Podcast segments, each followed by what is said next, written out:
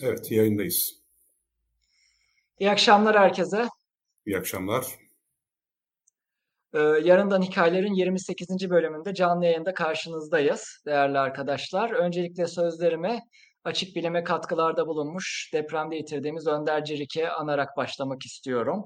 Önder Cirik'le birlikte ne yazık ki yaşadığımız deprem felaketinde iki hafta önce hayatını kaybeden resmi rakamlara göre 42 bin yurttaşımızı da en derin saygı ve e, hürmetlerimle anıyorum. Işıklar içinde yatsınlar. E, yakınlarına başsağlığı diliyoruz. Ve sağ kalanlara, geride kalanlara sabırlar ve bir an önce normal hayata geçmeleri için. Yani elimizden gelme, geleni de yapmaya hazırız. Her zaman yani İstanbul'da oturan insanlar olarak yani ekranların başında e, izleyen insanlar olarak ancak bu kadar elimizden geliyor. Yani gerçekten 16-17 gündür her yani konuşmaya yani şirkette bile bu şekilde başlıyoruz Tevfik. Sizde de benzer şekildedir sanırım yani. O kadar büyük bir toplumsal travmayla iç içeyiz şu anda. Yani bu meseleyi konuşmamak imkansız. E, depremi düşünmemek imkansız. Hele ki Marmara bölgesinde ikamet ederken. Ve artık insanların birbirlerine sordukları ilk sorulardan bir tanesi sizin bir kaybınız var mı? Oluyor. Evet. E, işte tam olarak toplumsal bir e, travma. Tüm Türkiye'yi etkileyen bir olay. Kendi adıma düşünüyorum. Hani başta Önder olmak üzere komşularımın akrabaları, arkadaşlarımın akrabaları derken etrafımda birebir tanıdığım ve bu elim deprem felaketinden etkilenmiş belki 20 kişi sayabilirim. Kaldı ki memleketi oralara yakın olan insanlar e, yani afet zedelerin dışında onlar da herkesin morali bozuk. Ben zaten ciddi bir konsantrasyon problemi yaşıyorum. İşte bu saat oldu. Ofisten hala çıkamadım. Çünkü bu saate kadar belki normalde iki saatte yapacağım şey yapmışımdır. Maalesef böyle geçiyor günler. Geceleri de sürekli aklımda her türlü senaryoyu oluşturup kafamın içerisinde tatbikat falan yapıyorum.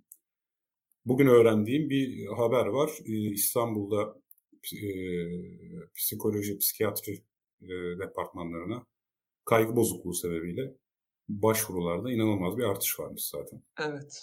Hepimiz kendimizi bir bombanın üzerinde oturuyor gibi hissediyoruz. Hepimiz demeyeyim tabii yani bu stresi çok iyi yönetebilenler mutlaka vardır ama kendi adıma ben hatta çok kısa bir anekdot anlatacağım. Bir deprem ağı diye bir uygulama var.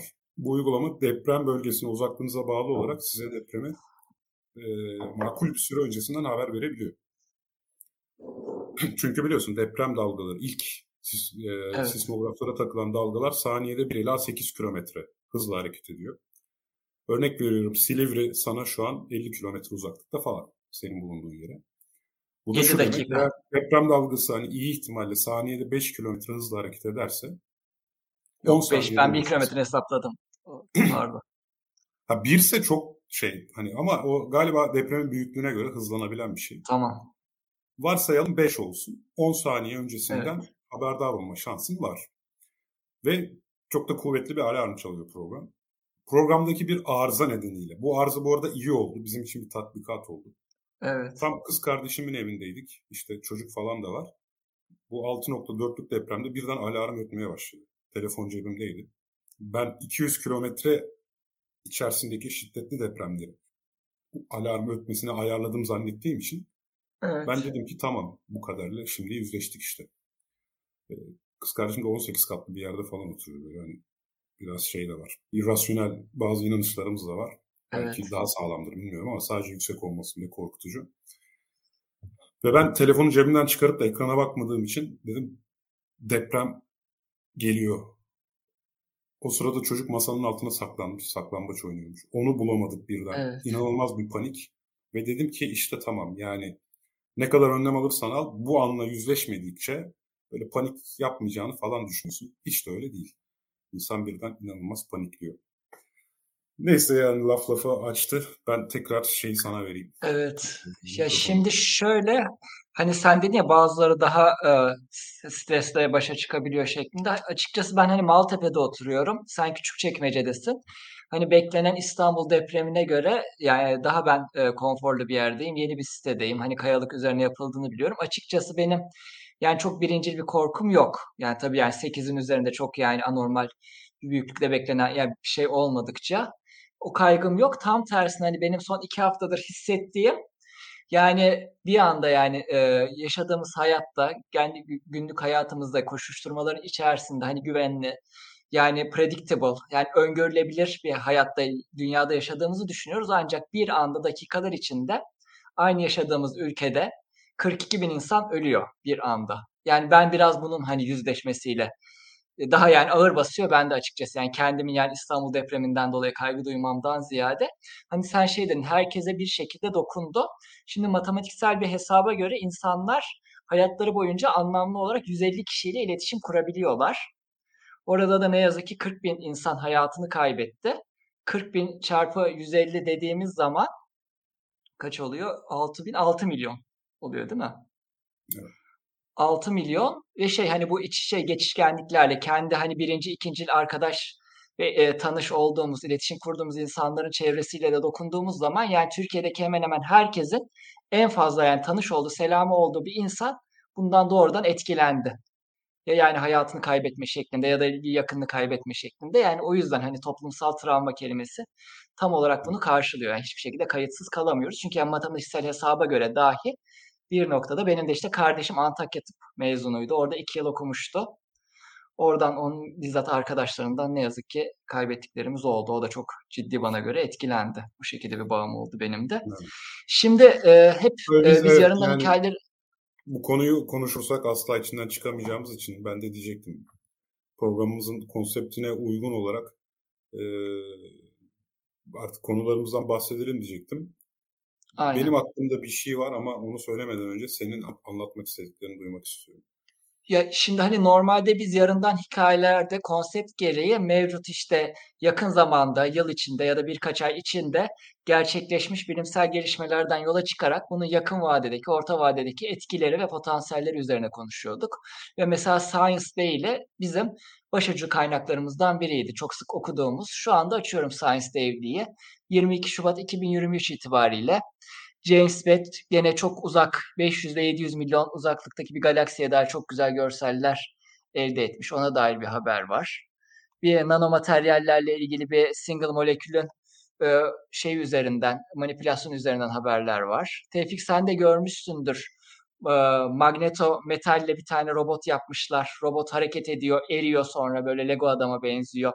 E, demir parmaklıkların içinden sızıyor Sonra tekrar soğutuluyor, tekrar kalkıyor, yürümeye devam ediyor. Yani Terminator filminde Civa Adam vardı. Onun evet. yani resmen ilkel prototipini yapmışlar.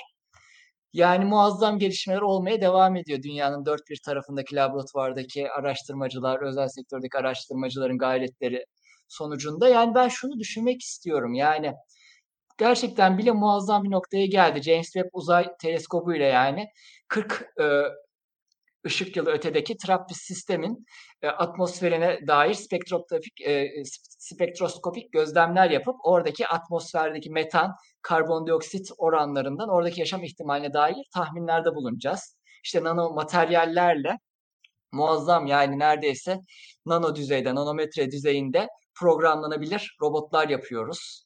Onlar yani çeşitli hani devreler onları e, enjekte edilebiliyor. Moore yasasının sınırlarına geldik. Hani yani transistörler neredeyse yani daha fazla güçlemeyecek noktaya geldik. ilerleme söz konusu ve sürekli de gidiyor. Aynen öyle.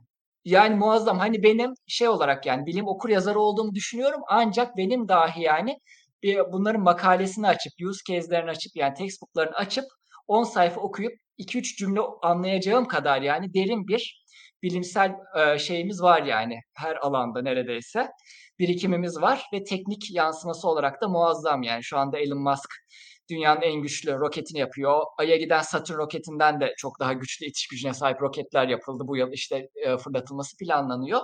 Yani bu şekilde yani 2023 itibariyle muazzam yani bir dünya gerçekliğiyle bilimsel ve teknolojik gelişmelerin yani e, geldiği noktada karşılaşıyoruz, izliyoruz, takip ediyoruz. Ancak bir yandan da hani yaşadığımız ülkede, uygar dünyanın parçası olmaya çalıştığımız ülkede yani milyonlarca yıldır yaşanmış doğanın bir kanunu olan deprem sebebiyle bir anda hani yani 6 milyon insanın doğrudan yani tanış olabildiği 40 bin insanımızı kaybedebiliyoruz dakikalar içerisinde. Evler yıkılıyor. ve bilinen yani insanlık tarihi kadar eski bilinen bir doğal doğa olayı yüzünden. Yani küresel ısınmayla hiç alakası yok. Son 50 yılda 100 yılda karşılaştığımız yeni yeni hani Covid gibi çok sürpriz çıkan olumsuzluk da değil. Yani tarih kitaplarına işlenen, mitolojilere işlenen, masallara, hikayelere, efsanelere işlenen deprem gerçeği, yer kabuğunun hareketli olduğu gerçeği ve bir anda binlerce insanımızı aramızdan alabiliyor ve bize toplumsal bir travma yaşatıyor. Yani bu çelişki Tevfik gerçekten bunu hissetmek yani beni çok korkutuyor. Yani bir yandan hani bilim haberlerini açıyorum. İşte yani mikrokozmostan makrokozmosa muazzam yani e, dünyanın varoluşun gerçeğiyle takip edebiliyorum. Ama bir yandan da dakikalar içinde bilinen bir doğal olayına 40 bin tane insanımızı kaybetmekle yüzleşiyorum. Yani bu benim gerçekten yani hayatı, varoluşu kendime sorgulamama yol açan çok büyük bir travma. Bunu nasıl aşabiliriz? Gerçekten bunu konuşmak gerekiyor. Yani şimdi dediğinde şu noktaya katılıyorum. Bu bir gama ışın patlaması olsa hiç yaşamadığımız işte ne bileyim yaşamadığımız bir felaketle karşılaşırız ya da bir güneş patlaması olsa bir anda her yer 10 gün 15 gün elektriksiz kalsa hastanedeki ekipmanlar bozulduğu için insanları kaybetsek deriz ki ya hiçbir hazırlığımızın olmadığı ne kadar düşünsek de hesaplarımızın ötesinde gerçekleşen bir felaket olduğu, deneyimlerimiz olmadığı için, deneyimsizlikten ötürü insanları kaybettiğimiz gibi bir düşünceye e, böyle bir sürpriz sürprize sığınabilirdik. Ama bu yani 99'da en ağırından deneyimlediğimiz arada da yine bu kadar geniş bir coğrafyayı kapsamasa da yıkıcı depremlerle sürekli olarak tecrübe ettiğimiz bir deprem ülkesi olduğumuz için de sürekli hazır, nazır, hazırlıklı olmak zorunda olduğumuz bir konuda evet yine maalesef e, bu kadar can kaybı ve bu kadar büyük bir kayıpla sonuçlanması bana da inanılmaz geliyor. Hatta ve hatta şu an mesela şu an konuştuklarımızın hepsinde sadece deprem anına odaklandık. Bir de bu işin deprem sonrası tarafı var. Yani deprem sonrasındaki lojistik e, eksiklikler, işte koordinasyondaki zayıflıklar, e, bunlarda bile sanki hayatımızda ilk kez bir depremle karşılaşıyormuşuz gibi. Tabii ki biz değil, sosyal medya çok hızlı örgütlendi. Bunu gördük. Ama biz değil ama kamu otoriteleri sanki hayatında ilk defa böyle bir şeyle karşılaşıyorlarmış gibi davrandılar. Ve hepimizin canını yakan şeylerden bir tanesi de bu oldu. Zaten bunu ben e, Twitter'da da hafif de olsa ilan etmiştim ama gerçekten aklımda şöyle bir şey var. Ben açık kaynak gönüllü katılımcıların, e, gönüllülerin katılımıyla tabii ki uzmanlar da olacak, uzmanlar da olmak kaydıyla böyle bir açık kaynak sivil savunma el kitabı hazırlama gibi bir projem kesinlikle var. Yani bir sitede e, dört bina yıkılıyor ama iki bina ayakta kalıyorsa o iki binada ayakta kalan insanların bir her şeyden önce kendi kaynaklarını temin etme, garanti altına alma, planlı bir yardım faaliyeti için e, en verimli bir şey, en verimli şekilde organize olma ama daha da önemlisi o dört yıkılan bina altındaki insanları hayatta tutma gibi. Yani herkesin bu işe hazırlıklı olabileceği ama hazırlıklı olmayan bir kimsenin bile bu kaynağa çok hızlı bir şekilde erişerek yani şu an sadece spekülasyon yapıyorum ama yani eldeki malzemelerden soba nasıl yapılır? Ee, bir su nasıl, ya kampçılıkta zaten var olan literatürler vardır. Suyun nasıl sterilize edileceği vesaire vesaire falan. Ama ve lakin mesela ben deprem sırasında da yazmıştım. Ya doktor arkadaşlar spesifik tıp terimleriyle değil ama en, kendi yakınlarını enkaz altından elleriyle çıkaran insanlara en azından enkazdan çıkarılan bir insana nasıl yaklaşılması gerektiğiyle ilgili şöyle çok kısa bir yönerge yazabilir mi? Çünkü hani yönergelerin hepsi tıbbi terimlerle inşa edilmiş. Basitçe yani bu adama önce su verin gibi. Daha sonra şöyle bir yere yatırın. Mümkünse yorgan örtün tarzı. Bilmiyorum şu an. Mesela öyle yazmıştım. Hiç e, işte tıbbi terimler olmayan bir kaynağa rastlamadım. Hani bu gibi e, hem bilgilendirici hem eğitici ama daha da önemlisi optimize. Yani mesela ben çok basit optimizasyon bilen herkes işte mesela her şey AFAD'ın planlamasıyla ilgili şunu fark edebilir. Eğer ki yıkılan yani gidilmesi gereken enkaz sayısı var olan ekip sayısından çok büyükse yani birisine N diyelim, birisine E diyelim. N, E'den çok büyükse ve buradaki tek optimizasyon zamansa hiçbir planlamaya gerek yoktur. Herkes en yakındaki enkaza gitmelidir. Çünkü kurtarılacak insanlar arasında bir hiyerarşi yok. Yani öncelikle şunlar sonra bunlar kurtarılacak gibi bir hiyerarşi olmadığına ve burada sadece biz zamanı minimize etmeye çalıştığımıza göre kesinlikle bir planlama yapılması değil. Tüm e, arama kurtarma ekiplerinin en yakın ihtiyaç duyulan yere gitmesi lazım. Öte yandan, öte yandan yardım çalışmaları yani buralardan gönderdiğimiz malzemeler vesaire. Bunların ise kesinlikle çok iyi planlanması lazım. Çünkü ihtiyaç fazlası gidebilir bir yerlere, bir yerlere de ihtiyaçtan az gidebilir. İşte bu da tam bir planlama meselesi. Yani arama kurtarma çalışmasında planlamadan ziyade zamanı minimize etmek ama öte taraftan yardım faaliyetleri içinde çok iyi bir merkezi planlamaya yapmak gerekiyor. Yani işte tüm bunların hepsini gerek afet sonrasındaki kurtarma çalışmaları, gerekse afet sonrasındaki işte gıda yardım malzemelerinin doğru şekilde dağıtılması için acaba bir çalıştay mı yaps yani yapsam bir gönüllüleri toplayıp bir işte Kesinlikle. açık kaynak grupta işte wiki gibi bir şey mi yani aklımda böyle bir şey var bir sivil savunma faaliyeti ama bunu nasıl projelendireceğimi henüz bilmiyorum. Bir soru var. Onda hemen cevabını verip sana vereceğim tekrar sözü Emre. Yayının başında bahsettiğiniz uyarıcı aplikasyonun adı neydi demiş Ozan. Deprem ağı. iPhone'da sadece deprem ağı diye geçiyor. Android'de deprem ağı ve deprem ağı Pro olmak üzere iki versiyon var. Ee, ama zaten iPhone'ların ya da zaten Android'lerin kendi ağı da varmış galiba. Onları bilmiyorum ben. Buna benzer programlar da varmış fakat bu 3 yıldır kullanılıyormuş diye kullandım ve test etme şansı da bulmuş oldum. Yanlış bir uyarı da gelse gerçekten bir uyarı e, verebildi. Hatta şöyle oldu. E, canlı yayın vardı o sırada. Ben deprem uyarısının İstanbul'la alakası olmadığını anlayıp televiz- televizyondaki canlı yayına baktığımda canlı yayındakiler benden benim uyarı almamdan 2-3 saniye sonra tabii o şey yayın gecikmesi de olabilir ama gerçekten çok evet. eş zamanlı bir e, uyarı aldığımda görmüş oldum. İşte şimdi ben Deprem hazır olarak. E, konu açılmışken sana şey sormak istiyorum. Yani enkaz altındaki insanları çıkardıktan sonra işte hastanelerde hayatını kaybedenlerin çok olduğunu diyor. Şimdi senin tıp doktoru kimliğin evet. de var. Bununla ilgili neler söylersin? Ya şimdi burada açıkçası özellikle yani şu anda kıştan dolayı su kaybı minimum oldu. Terleme minimum oldu. Ondan mesela yaz olsa belki 5. 6. günlerin ötesinde herhangi bir yani bir canlı çıkma göremezdik. Bu e, sanırım şu anda 10-11. güne kadar gördük.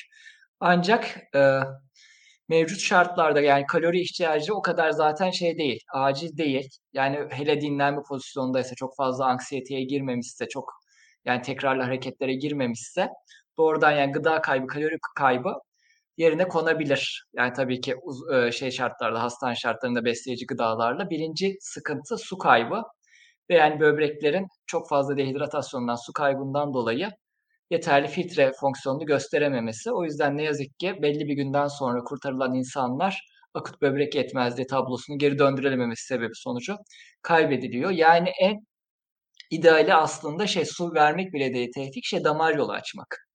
Yani en birinci önerilenler oydu. Yani eğer bir kolu dışarıdaysa damar yolu açın içerideyken dahi.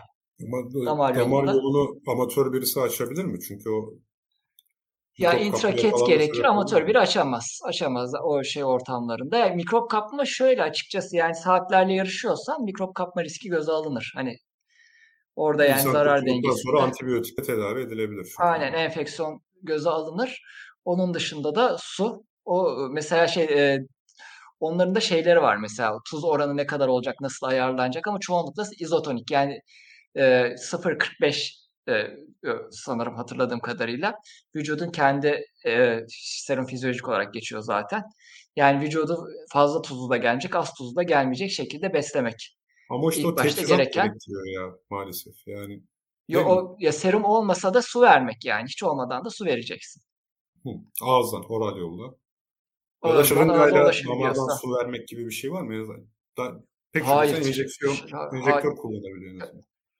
Yani şırıngayla damardan su vermek, damarı seç bul, bularak yani şey volümünü çok yavaş yavaş ayarlayarak acil durumlarda belki fazla volüm verirsen de Zannetmiyorum yani damar elastikiyeti o kadar onu şey yapacak kadar tansiyonu basit lokal bir dengeler herhalde.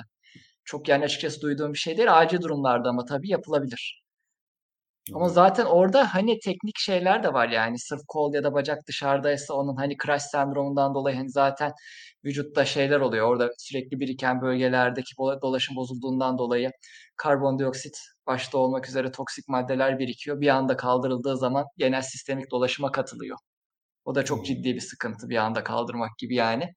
Şey de mesela yani o el yordamıyla kaldırmak da aslında tehlikeli bir şey. Yavaş yavaş dengeleyerek. Hani onun çünkü şey oluyor bir anda yani sistemik şok e, tablosu dahi oluşabiliyor şeylerin kaldırılmasıyla. Dolaşıma karışıyor. Çünkü yani şöyle düşün. Lokalde o toksikler, karbondioksit yoğunluğu lokal dokularda beklemişti. Bir anda kaldırıldığı zaman ağırlık yavaş yavaş yani telafi edip genel sistemik dolaşıma katılmış oluyor. Yani açıkçası Yavaş çok çok sıkıntılı işte durumlar. Yani, yani o da mümkün değil tabii. Yani çok çok sıkıntılı durumlar. Şimdi orada şey ilk yardım hani senin dediğin kitaptan yola çıkarsak hani ilk aklıma gelen ilk yardım. Hani ilk yardım terminolojisi olabildiğince tıbbi terminolojiden uzak bir terminoloji. Yani bütün ehliyet derslerinde ço- çoğunlukla teorik ama yani bazı kurslarda uygulamalı da veriliyordu. İlk yardım eğitimi veriliyor. Yani ilk yardım eğitmenleri de çoğunlukla %90'ın üzerinde benim gördüğüm kadarıyla tıp e, geçmiş olmak zorunda değil. Yani mesela dediğin kitap ve hani o inisiyatife ilk yardım gönüllüleriyle başlanabilir. Yani ilk yardım kısıt kısımları özellikle dediğin hiçbir tıbbi terminoloji geçmeden halkın anlayacağı dilde yani enkaz altındakine nasıl müdahale edilir, nasıl onun yaşamda kalma süresi uzatılır. Çıktıktan sonra hani hastane sevk edilmeden nelere dikkat edilir, nasıl vücut ısısı korunur, nelerle beslenir, nelerle beslenilmez. İşte açık kırığa yaklaşım mesela, kırık nasıl tespit edilir, nasıl hangi bölgelerden turnike yapılır. Yani mesela şey de olacak yani o durumlarda hani hani doğru bilinen yanlışlardan ziyade hani afet anı insanı yaşa yani hayatta tutmak birinci önceliğimiz olacak. Mesela şeyler doku kayıpları kaçınılmaz. Yani organ uzuv kayıpları kaçınılmaz ama yani normal bir insan bunu mesela göze alamaz. Gerekirse yani turnikeyi sen çok büyük kanaması varsa şey koltuk altından yapacaksın kolun yani. Çünkü asıl olan yaşamda tutmak onu yani uzuv kaybından evet. ziyade. Hani böyle e, günlük hayatta insanların karşılaşmadığı ve ahlaki olarak şey olarak yani onları şok edebilecek şeyler de olacak. Yani o yüzden ilk yardım uzmanları mutlaka bence bu çalışmaya dahil olmalı. Onun dışında yani e, hayatta kalma uzmanları var mesela şey kampçılar, doğada hayat evet. şey yani doğa gezginleri. Onlar mutlaka Tabii dahil doğada olmalı. bile doğada bile kaynak var ama yıkıntı bir şehirde yok. Yani yıkıntı bir şehirde temiz su yok. Yeterli gıda yok. yok. Çok fazla insana az gıda, gıda var. Yani yaban yaban bitkileri yok yani. Atıyorum böğürtlen çalıları yok yani. Evet. Veya köklerini yiyebileceğin bitkilerdi. Beton üstü beton. O durumu e, beton biraz şey, bir soru toprak var. şey Kulakçı, evet. Taksi app gibi bölgesel kurtarma ve yardım gönülleri app'te olabilir mi? Evet yani böyle bir projeden sonra gönüllü yar arama kurtarma, yani gönüllü yardımcılar eğer talep ederse bölgedeki konumlarını işaretleyebilirler, yardıma ihtiyaç duyana gidebilirler. Tabii bunlar artık projenin son aşamaları. Bizim önce bilgi dağarcığını oluşturmamız gerekir. Ondan sonra bu bilgi ihtiyaç duyanlarla ihtiyaçları karşılayabilecek insanların nasıl buluşturulabileceği ayrı bir e, şey konusu tabii ki de. Ya Orada mesela hani örgütsel davranış da mesela devreye giriyor Tevfik. Mesela şu çok anlatıldı yani yardıma koşacak insanların bölgeyle hiçbir yakınlık bağı olmaması önemli. Askerler mesela çok ideal bir örnek olarak veriliyor. Askerler dışarıdan gelmiş. Askerlerin akrabası yok yani peşine koşacakları aileleri yok. Yani düşünsene o afet bölgesindeki bütün emniyet görevlerinde, ilk yardım görevlilerinde, işte itfaiyecilerinde, müdahale edebilecek AFAD gönüllülerinde hepsi ya zaten ilk anda ne yazık ki hayatlarını kaybettiler ne de kendi, ya da kendi ailelerini, kendi enkazlarının başında durdular. Yani çok basit yani temel içgüdü olarak. Oralarda insanlara yardım edecek kişilerin kendilerinin afetzede olmaması lazım. Kesinlikle. Özellikle tıp personelinin böyle bir serzenişi vardı. Hem yakınlarını kaybetmişler ama hem de işte 72 saat hiç şey yapmadan görev yapmışlar. Dediğin doğru yani çok önemli kriterlerden bir tanesi belki böyle bir durumda afetzede olmayan personelin bölgeye intikal edebilmesi kritik. Mesela şeyi okumuştum. Bu bu tarz yani kurtarıcı personelin, AFAD personeli, işte itfaiyecilerin, ilk yardım görevlilerin, doktorların yani belli bir işte görev almış kişilerin inanılmaz kuvvetli lojmanlarda oturması mesela. Böyle bir öneri görmüştüm. Kışlaların çok sağlam Yani yapılması. işte orası yani şey enteresanlık olur. İnanılmaz kuvvetli lojman yapabiliyorsak niye inanılmaz kuvvetli? Neden bütün binaları? İşte onun sebebi de işte maddi sebepler, teknik. Yani teknik tekniğimiz var, teknik yeterlilikler var ancak hani mevcut şey ekonomide, imar ekonomisinde her binayı o kadar ya mesela Japonya'da şey örnek veriliyor şu anda 9'a dayanıklı işte gökdelenler raylı sistem var şeklinde. Hani bu bütün e, binaların raylı sistem yapıldığı bir şehir hani Türkiye ekonomisinde mümkün değil anladığım kadarıyla. Yani aslında şöyle şu an çevirmek zaten mümkün değil. Benim inşaat mühendislerinden öğrendiğim kadarıyla bizim mevcut binalarımızın temel sistemi mevcut binaları öyle bir sisteme dönüştürmeye izin vermiyor.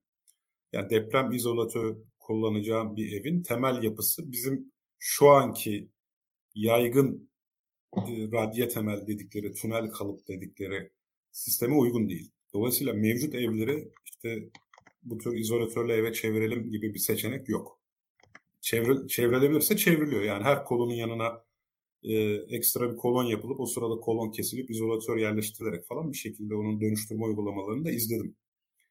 Benim tabii biraz daha programımızın ruhuna uygun olarak şuna dikkat çekmek istiyorum. Şimdi Japonlar 1950'lerde Kobe depremini yaşadıktan sonra Yok Kobe 90, 95 Yok daha eski 95. bir Kobe depremi daha var. Yani mütemadiyen deprem olduğu için orada. ee, ya da belki de Kyoto'dur. Bilmiyorum yani şey 50'lerdeki bir depremden sonra bu işe zaten evet. inanılmaz e, kafa patladı. İşte bugünkü sistemi kuruyorlar. E, hiç bina yıkılmıyor zaten. Yani Japonya'daki o 2011'deki Fukushima faciasına da sebep olan depremdeki temel problem tsunami'ydi. Binaların yıkılması değil yani. Ve bu arada 9 şiddetinde depremde de 3000 kişi öldü. Yani hani insan ölmedi değil doğru. 3000 kişi öldü. Tsunami'den öldü ama deprem e, büyüklüğü de 9'du. Richter ölçeği logaritmik. Yani 7, 9 e, büyüklüğündeki deprem 8 büyüklüğündeki depremin 10 misli. 8 büyüklüğündeki deprem 7 büyüklüğündeki depremin 10 misli. Yani 9 7'nin 100 katı. Neyse yani benim anlamadığım şey şu. Şimdi tarihe baktığın zaman tüfek, mikrop ve çeliği falan da işte hani okuyorsun mesela. Evet. Jared Diamond'in yazdıkları veya işte e, bu konularda antropoloji kaynaklı bir ton kitap var. Yani o dönemlerde bile herhangi bir yerde bir teknoloji keşfedildiği zaman o kadar sosyal hareketlilik ve iletişim olmamasına rağmen kısa bir süre sonra bir yüzyıl belki maksimum 200 yıl sonra bütün bir kıtaya yayılıyor. Yani Osmanlı topu icat ettikten 100 yıl sonra Avrupa'da da top oluyor. Bir yerde tüfek icat ediliyor. 50 sene sonra bakıyorsun o kıtada neredeyse benzer kuvvette olan bütün toplumlar o e, tüfek tüfek yapabilir hale geliyor.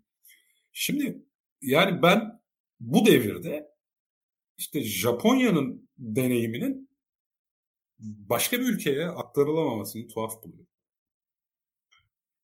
Teknolojinin e, yayılma hızının inanılmaz olması gerekmiyor mu yani? Demek ki burada mesele teknolojinin aktarılamaması ya da transferi değil. Her şey önce bizim toplumsal olarak elbette politik bir mevzu aynı zamanda. Ama toplumsal olarak da politikadan böyle bir talep yaratamıyor oluyoruz ki politikacılar da zaten kendilerini bu alanda çok bir şey yapma ihtiyacı hissetmiyorlar. Yani burada kimse yanlış anlamasın. Elbette bu mevzular yani bilimsel ve teknik konularda politika üretecek olanlar da politikacılar. Ama işte bu deprem felaketiyle şu an hepimiz de her, her gün depremi düşünüyoruz ama şundan 3 ay öncesine kadar şu an var olan iktidar ya da muhalefet partilerinin böyle aşırı bir şekilde karşımıza çıkıp da bizim böyle bir sorunumuz var ve bunu mutlaka çözeceğiz deyip birincil öncelikli olarak bunu ileri sürdüklerine e, rastlamadık. Hakkını yememek lazım. Muharrem İncer katıldı programda. Türkiye'nin birinci problemi depremdir diye sürekli söylemiş. Dün birkaç tarihte böyle bunu söylediğini, her zaman da bunu söylediğini gördüm. Ama işte bunun gerçekten Türkiye'nin birinci öncelikli problemi olduğunu artık hepimiz şahit olduk da bu politik olarak bile vaatlerde dile getirilen bir şey değil. Yani parti programlarının yarısını kaplaması gereken bir konuymuş. Onu gördük. Çünkü başından beri söylüyoruz. Birkaç dakika içinde 40 bin insanı kaybetmişiz. Peki bunun Marmara'daki tekrarı halinde ne olacak? Yani milyonlarca, neredeyse bütün Türkiye'yi ilgilendiren bir problem.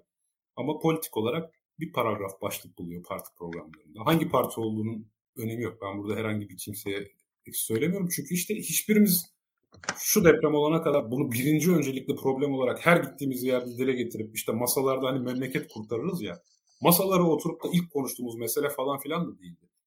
Bu meseleler ancak işte bu şekilde gerçekten büyük kayıplar yaşadığımız zaman her gün aklımıza giriyor. Ama bu sırada bir ay sonra, bir ay sonra bak tarih vereyim, e, bu mevzuları konuşmayacağız. Bambaşka gündemlerle devam edeceğiz yani. Umarım öyle olmaz bu sefer ayrı mesele de. Yok yok. Önceki deneyimlere bakarak söylüyorum. Tevfik şimdi hani Japonya örneğinden sen yola çıktın. Japonya'daki işte teknik gelişmeler neden yani 2023'te kapitalizmin dünyanın dört bir yanına ulaştığı, Türkiye'nin tamamen dünyadaki teknolojiyle, ekonomiyle entegre olduğu bir dönemde bize ulaşmayı diye bir soru sordun. Hani Japonya zaten şu anda dünyanın en gelişmiş 3-4 ülkesinden biri. En büyük 5. ekonomisi. 4. ekonomisi hatta. Yani zaten şey toplum bilinci olarak yani inanılmaz yüksek bir noktadalar. Yani zaten ahlak kavramları bir bina dahi yıkıldığı zaman hani harakiri şeklinde yanıt veriyorlar. Anahtar kelimeyi söyledin aslında da neyse ahlak diyerek evet. Şimdi daha ben açıkçası hani Türkiye'nin daha kolay örnek alabileceği daha benzer olduğunu düşündüğüm bir ülkeden örnek vereceğim Şili. Şili'de tam yani Pasifik kıtası ve Atlas kıtası şey e, Atlas levhaları arasında yer alan Ant Dağları ile birlikte ince uzun bir şerit tamamen yani ülke fay hattından ibaret bir ülke. 1960 yılında dünya tarihinde kaydedilmiş en büyük deprem olan 9.5 şiddetindeki Valdivia depremi de Şili'de gerçekleşiyor.